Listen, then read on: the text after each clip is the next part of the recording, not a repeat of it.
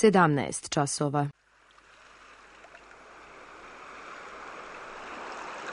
Radio Televizija Srbije. Radio Beograd 2.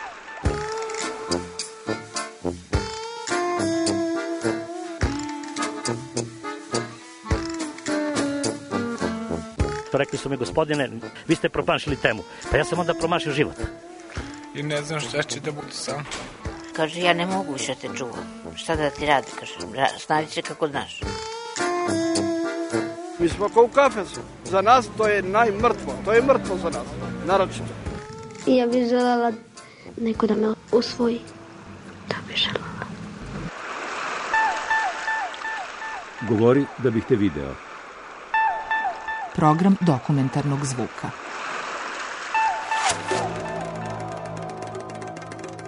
Članove benda Vartra spojila je ljubav prema prirodi, iskonskim zvukovima i poštovanje prema kultu predaka.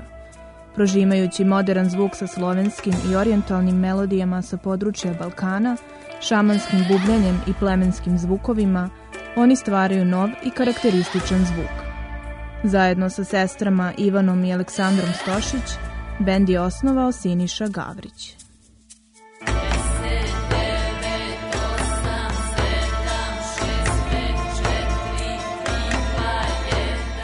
Živeći u Kanadi jedno 18 godina, periodično, kroz život tamo i rad, put me naveo na određene ljude gdje sam se upoznao sa kulturom indijanskom i šamanskom kulturom. Tražio sam tattoo shop gde ću da se tetoviram i onda sam našao jedan privatni tattoo shop i majstor koji me tetovirao upoznao me sa celom tom pričom, sa ceremonijama i peruanskom kulturom. Prihvatio sam da krenem na te ceremonije koje se održavaju širom Kanade i Severne Amerike i Južne Amerike. To su ceremonije koje drže šamani iz Perua. Tu se pija ayahuasca, biljka koja regionalno raste u Južnoj Americi. Šamani donose to u Kanadu, u Severnu Ameriku i tu kreće i miks između severnjačkog učenja i južnjačkog učenja. Šaman je jako tu bitan, on peva pesme koje se zovu Ikarosi, i on je kao tvoj vodič kroz praktično mrak koji je tebi nepoznat samim tim što si konzumirao tu biljku i što ti je promenjeno stanje svesti. Zaintrigirala me ta konekcija koju oni imaju sa prirodom, ta direktna konekcija. Bez bilo kakvih ustanova kao što je crkva, nije mi trebalo ničije odobrenje da se upustim u sve to i da nađem svoju povezanost direktno sa tim duhovnim svetom.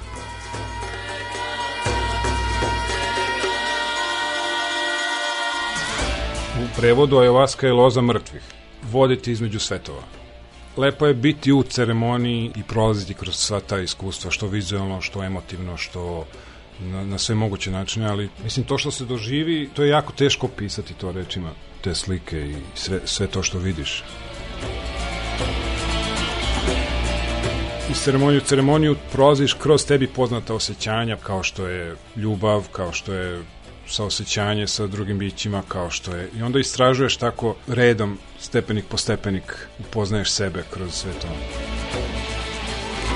Samim tim što sam prisustvovao tim ceremonijama tu sam došao u, u susret sa, i sa zvečkama i sa frulama i sa bubnjevima koje su me intrigirale pošto sam muzičar. I onda sam krenuo onda, sam, onda se tu rodilo interesovanje prema pravljanju tih bubnjeva pa određen način kako se prave ti bubnjevi kako se oni vezuju kako energiju nose, razni ritmovi koji se sviraju i onda se cijela svest, moj pristup muzici i ideja promenila.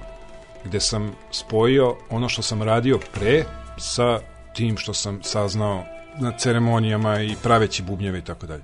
Znači, to je neki novi element koji mi se otkrio u mojim 30. godinama. Eto, da zaokružimo, posle 10 godina napravio sam taj neki krug i onda sam shvatio da pored svog posla i sve to što sam imao u, u Kanadi i što sam živeo, imao sam i, i, i para, imao sam i, sve što mi je bilo potrebno, ali najviše što mi je nedostajalo u celoj priči jesu prijatelji. I uvek me je vuklo nešto nazad da se vratim u Srbiju.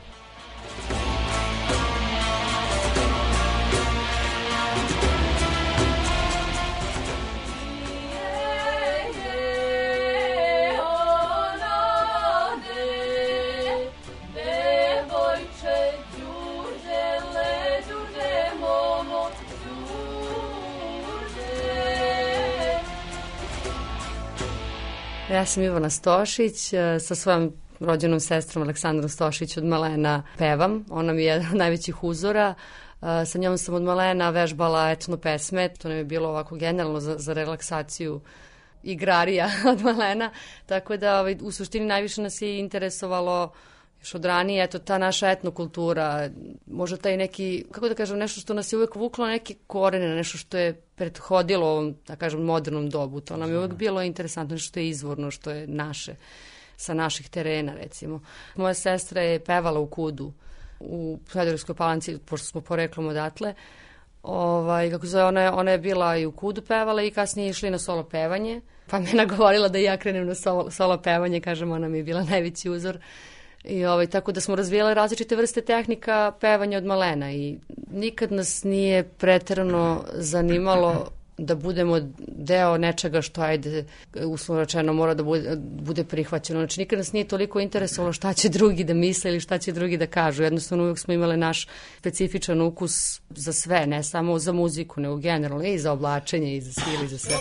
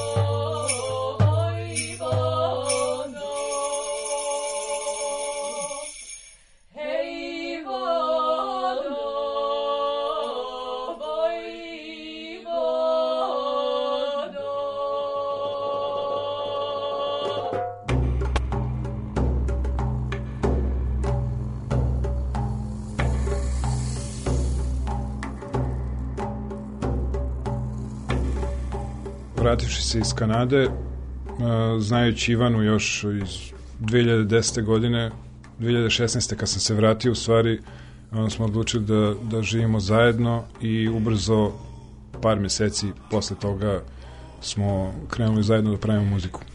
Samim time što ona bila podsaknuta i inspirisana svime time što sam ja doneo sa sobom i iskustvima i bubnjevima i, i krenuli smo da, da radimo na muzici zajedno.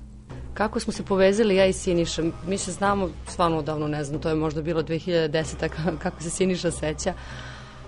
U početku je to bilo malo površnije druženje, međutim kasnije kada smo skontali da imamo slično interesovanje i po pitanju nekih drugih stvari, nekih transcendentalnih stvari, kroz razgovore smo došli do toga, no, on je meni dosta znanja i, i preneo ovako samo kroz priču, još dok je bio u inostranstvu dok smo se i dopisivali, onako nismo se dugo viđali i to pa smo i komunicirali malo i preko interneta i sve.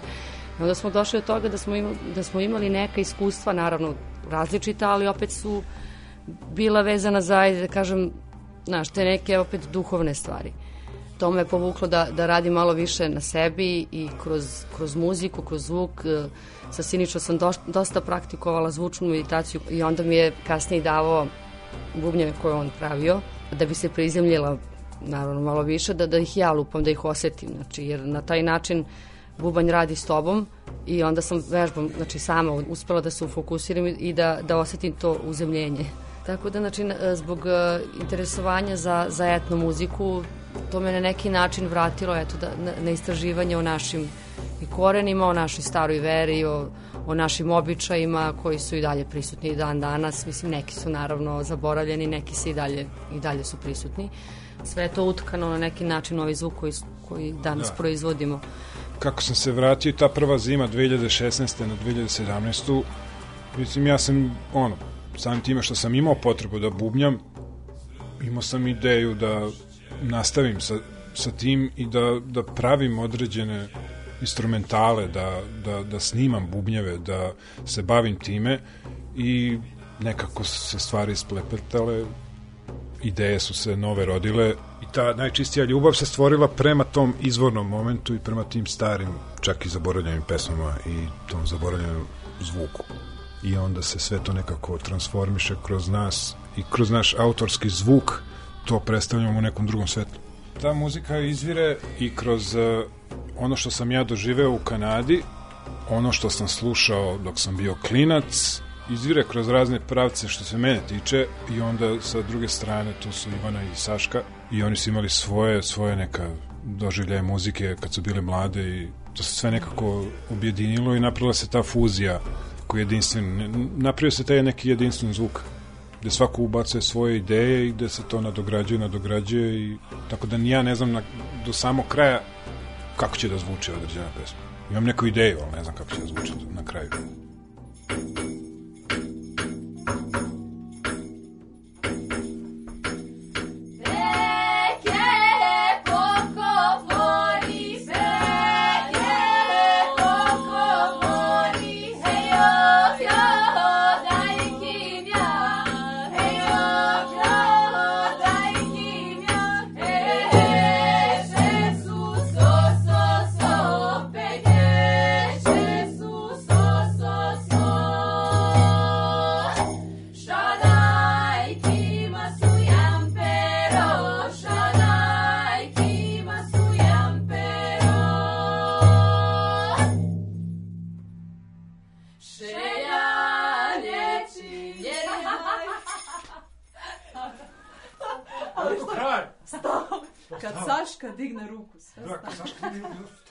Ja sam Aleksandra Stošić u bendu sa Ivanom Stošić i sestrom i Sinišom Gavrić. Budući da volim da pevam etno, negde, negde ne mogu da zamislim sebe u drugom bendu. Prosto ne mogu da zamislim sebe da pevam neke druge forme. Mogla bih možda, pa ne bih mogla. Staću tu mislim da svi u Srbiji generalno imamo neku vezu sa tim u smislu do generacije naših baka to je bilo dosta rasprostranjeno i svi smo svakome od nas je baka ne znam bajala ovo ili ono ili pevala neke uspavanke i slično. Meni je baka bajala ne znam nešto za nije uspelo za bradavicu, ali dobro i dalje je tu. Ovaj, Ivan je možda uspelo. Ovaj, u svakom slučaju, interesovanje za tim je možda čak i ta neka nostalgija, zato što se taj moment bajanja ili narodne medicine negde izgubio sa momentu kad smo prestali da budemo deca. Uh, ne mislim to sad u smislu zato što smo mi odrasli, nego mislim u smislu što to polako nestaje sa generacijama naših baka i deka. Moja majka sigurno neće da mi spravlja neke narodne medicine, da, da nešto da mi nešto izleči i tu verovatno postoji negde i taj moment nostalgije ka tom vremenu jer da se dobro svi podsjetimo u to vreme i vreme kad smo svi više bili okrenuti prirodi negde u smislu barem nas dve ne dolazimo iz Beograda, e, veći deo vremena smo provodile na travi, u šumi i tako dalje. Prosto je to bio deo, deo detinjstva. Išli smo sa bakom da, ne znam, beremo pečurke, e, igrali smo se konstantno negde po nekim šumarcima i tako dalje. Sad, recimo, čak i da da hoću na taj način da se odmorim, u okolini Beograda nemam, nemam više kontakt sa tom prirodom, tako da verovatno je to drugi aspekt koji negde, negde me vuče da, da pravim takvu muziku.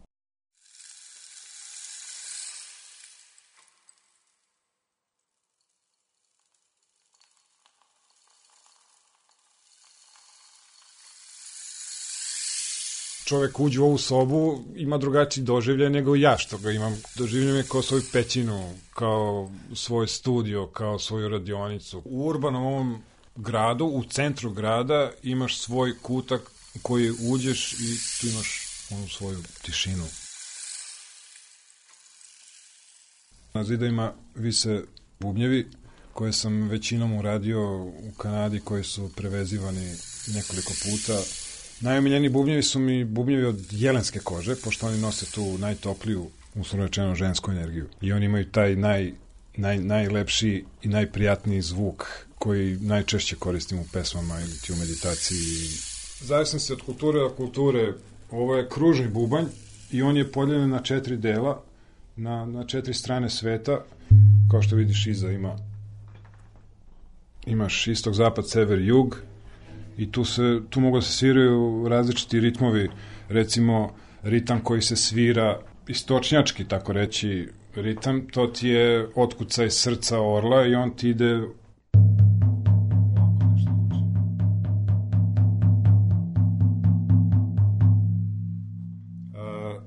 ritam koji dolazi sa juga, ovaj,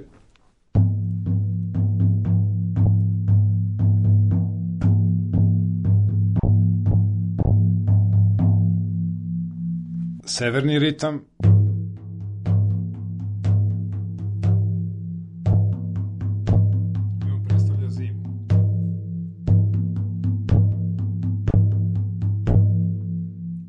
Ritam koji dolazi sa zapada jeste koji predstavlja životinju medveda, on je onako spor i trom.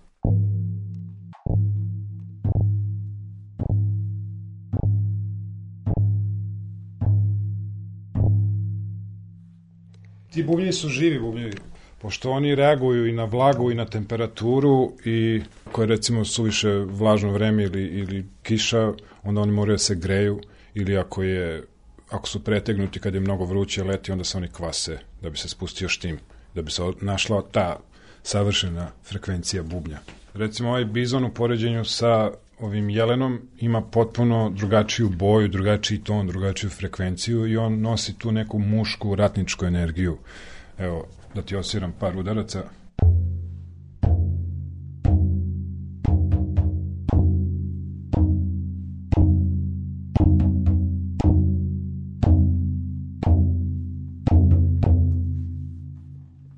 Kao što vidiš tamo, visi gomilu zvečke koje sam uradio u poslednjih dva meseca.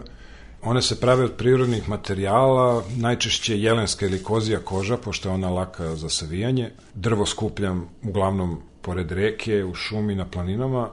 Pravimo zanimljive oblike i bojimo ih sa prirodnim ovim bojama. Uglavnom to su boje za, za hranu. Pravimo razne boje od zelenih, crvenih, žutih, sa raznim nijansama. Zavisnosti od materijala i koža od koje se prave, one mogu da imaju različite zvukove, mogu da imaju ovako tiši zvuk ili možda tako puni zvuk. Zavisi čime se puni i čime se oblaže i od kog materijala se pravi drška, da li je drvo, da li je rog, mogu da se oblažu tako vlasicom ili ti kozin krznom ili ti zečin krznom i nema ništa lepše nego praviti instrumente, svirati instrumente i praviti muziku i na neki način naći načina da se od toga opstane i da se živi.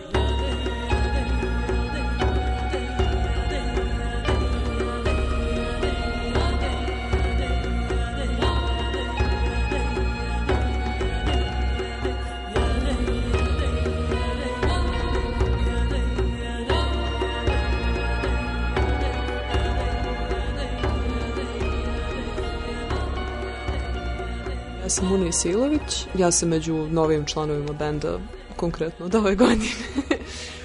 ne živimo mi se neki specifičan drugčiji život, ali je ali vidi se po nama da inkorporiramo u dnevni život neke stvari koje recimo možda prosečna osoba ne bi ili im se ne bi ni svidelo. Recimo ja prosto ne, ne mogu da ne ukrasim stan sa nekim kao malo prirodnim materijalima tipa grančicu na koju zavežem perje ili nešto tog tipa prva priča koju sam ja čula u životu, bukvalno od rođenja, me je mama krenula čita gospodara prstenova, tako da se sve nekako, ostatak moj života, mog života od uvijek bio preliven time. Konkretno ona mi je stalno pričala o tome kako smo mi vilanjaci i šta sve ne. I onda, još plus pošto je biolog, vodila me po terenima celo detinstvo, tako da nekako svi mogući prirodni elementi do kojih sam mogla lako da dođem su mi uvek bili značajni. Prosto asocirali su me na moje detinstvo i na taj neki početak života koji je stvarno bio lep. Prosto i muzika koja se slušala u mojoj kući od ranog detinstva, počeš Evangelisa i Enje, se posle nadovezivala na taj neki ton i melos kao nešto što istovremeno malo vuče na, na nešto pagansko, onda opet i na epsko, tako da kada sam čula Vartru, mislim, to je bilo trenutno sve što sam mogla da, da zamislim za jedan bend u kom bih mogla da budem, jer su oni bukvalno za mene zvuči u tom prvom trenutku kao neka srpska verzija Vardrune i Dead Can Dance-a. Tako da mi stvarno bila velika čast kada je Andrej predložio mene da se priključim bendu i još plus mi je bilo super što su rekla da im treba glas koji peva visoke tonove, jer sam već imala dosta iskustva u prethodnom bendu sa time. Tako da, eto, to je, to je kažemo, neka početak kako smo se spojili.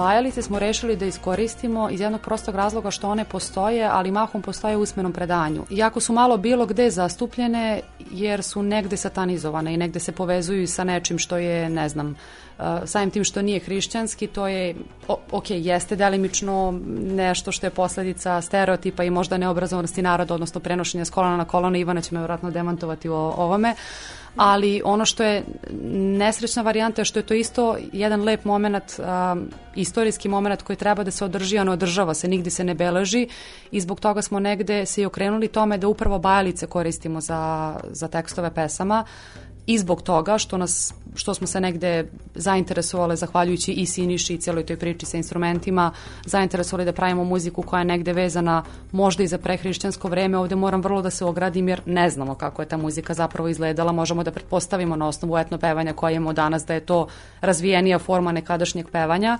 ali bajalice su možda nešto što je najmanje obrađeno kod nas i zbog toga smo se negde okrenuli ka balicama. Nemam iskreno neku uh, dublju priču vezano za to, baš zato što ne postoji mnogo pisanih izvora vezano za to već neke bajalice imamo iz knjiga, Ivana bolje zna koje su knjige, neke antropološke knjige, neke sam mahom tražila na internetu, tražeći na internetu, naišla sam na dosta bajalica koje se provlače u različitim krajevima Srbije sa varijacijom na temu, znači ista bajalica koja je sad sa zdravlju u zapadnoj Srbiji glasi tako, a ne znam, u Crnoj Gori je slična, samo par stihova je izmenjeno, u Bosni opet basma, ovaj, opet, opet slični motivi, tako da smo uglavnom te motive koje se provlače i koristile, većina pesama nisu gotove cele bajalice, nego uzeti fragmenti iz istih. I recimo prvi album, imamo recimo tu pesmu Luna Nua koja je bajalica za zdravlje, onda sledeća bajalica je bajalica za ljubav koja zapravo nije bajalica za ljubav, nego su e, konkretan tekst bajalice je uzet od neke bajalice za pite Boga šta, možda skidanje uroka, mi smo je malo izmenili, dodali tekst i tako dalje i pretvorili uslovno rečeno u bajalicu za ljubav ostale bajalice. Imamo jednu recimo bajalicu koju smo preuzeli od babe naše drugarice. Ta je recimo došla usmenim predanjima, da sam je posle toga našla na internetu u nekoj 15. verziji. I suštinski cijela priča se svodi na to da hoćemo da negde dokumentujemo te bajalice, da ih opevamo i da probamo da ih opevamo u nekom nekadašnjem izvornom obliku kako je to moglo ranije da izgleda što verovatno izgleda mnogo drugačije od toga, jer tribal to jest muzika kakvu pravimo je unela mnogo, mnogo elemenata iz svih predela Balkana i okoline Balkana i čak i daleko od Balkana, na primjer didgeridoo koji nema veze sa nama, ovaj, pa čak i ti bubnjevi koji su više nordijski, verovatno su i kod nas bili zastupljeni u sličnoj formi, ali barem goč koji znamo ne izgleda tako, ne, nema te oblike.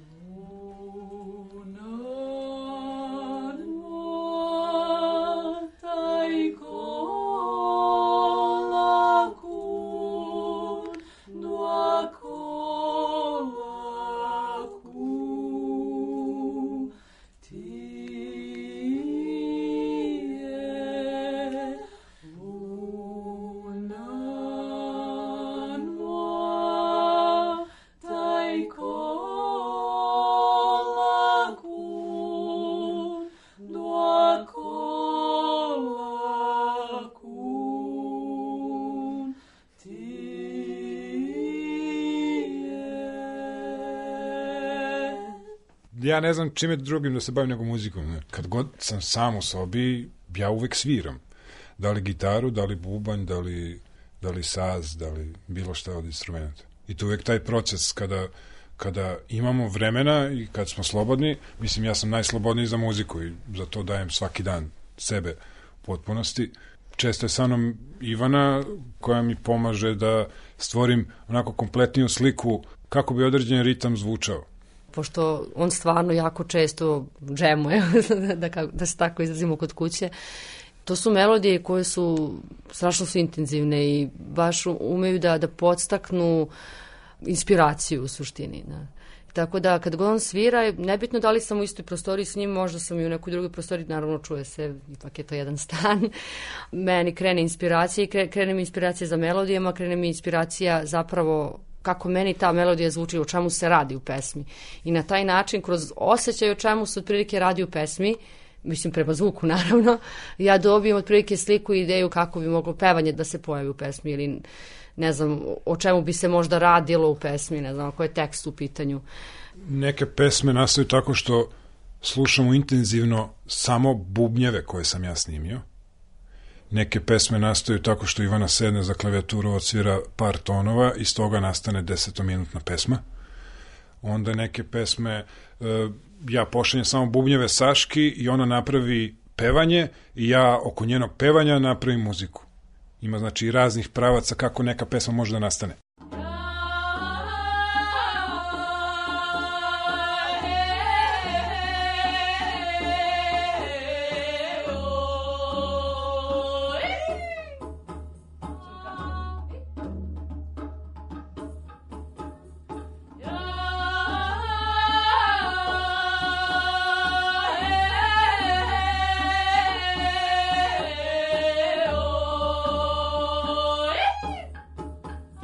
Se da zvučimo kao ajde kažem, žene iz naroda koje pevaju, znači ne trudimo se da to bude sve onako precizno, sve onako školski, nego baš gledamo da proizvedemo zvuk koji više podsjeća na na, na taj ruralan zvuk, taj zvuk kao recimo kad bi žene recimo sedele u krugu, plele, ajde kažem, za vreme nekog ob, običaja, znači pevušile, to sigurno nisu sve bile žene koje su bile školovane kad, u tom trenutku koje pevaju. Što su možda i neke žene koje koje se nikad nisu bavile pevanjem, ali eto, kad se sedi u krugu i kad se, da kažem, radi taj neki mantrični možda moment pevanja posvećen, ne znam ni ja, sad nekom prazniku, nekako se glasovi tako, tako namese da zvuči to tako organski, ne znam ni ja. I mi se trudimo da proizvedemo taj, kako da kažem, organski zvuk, da ne bude sve perfektno upeglano, eto.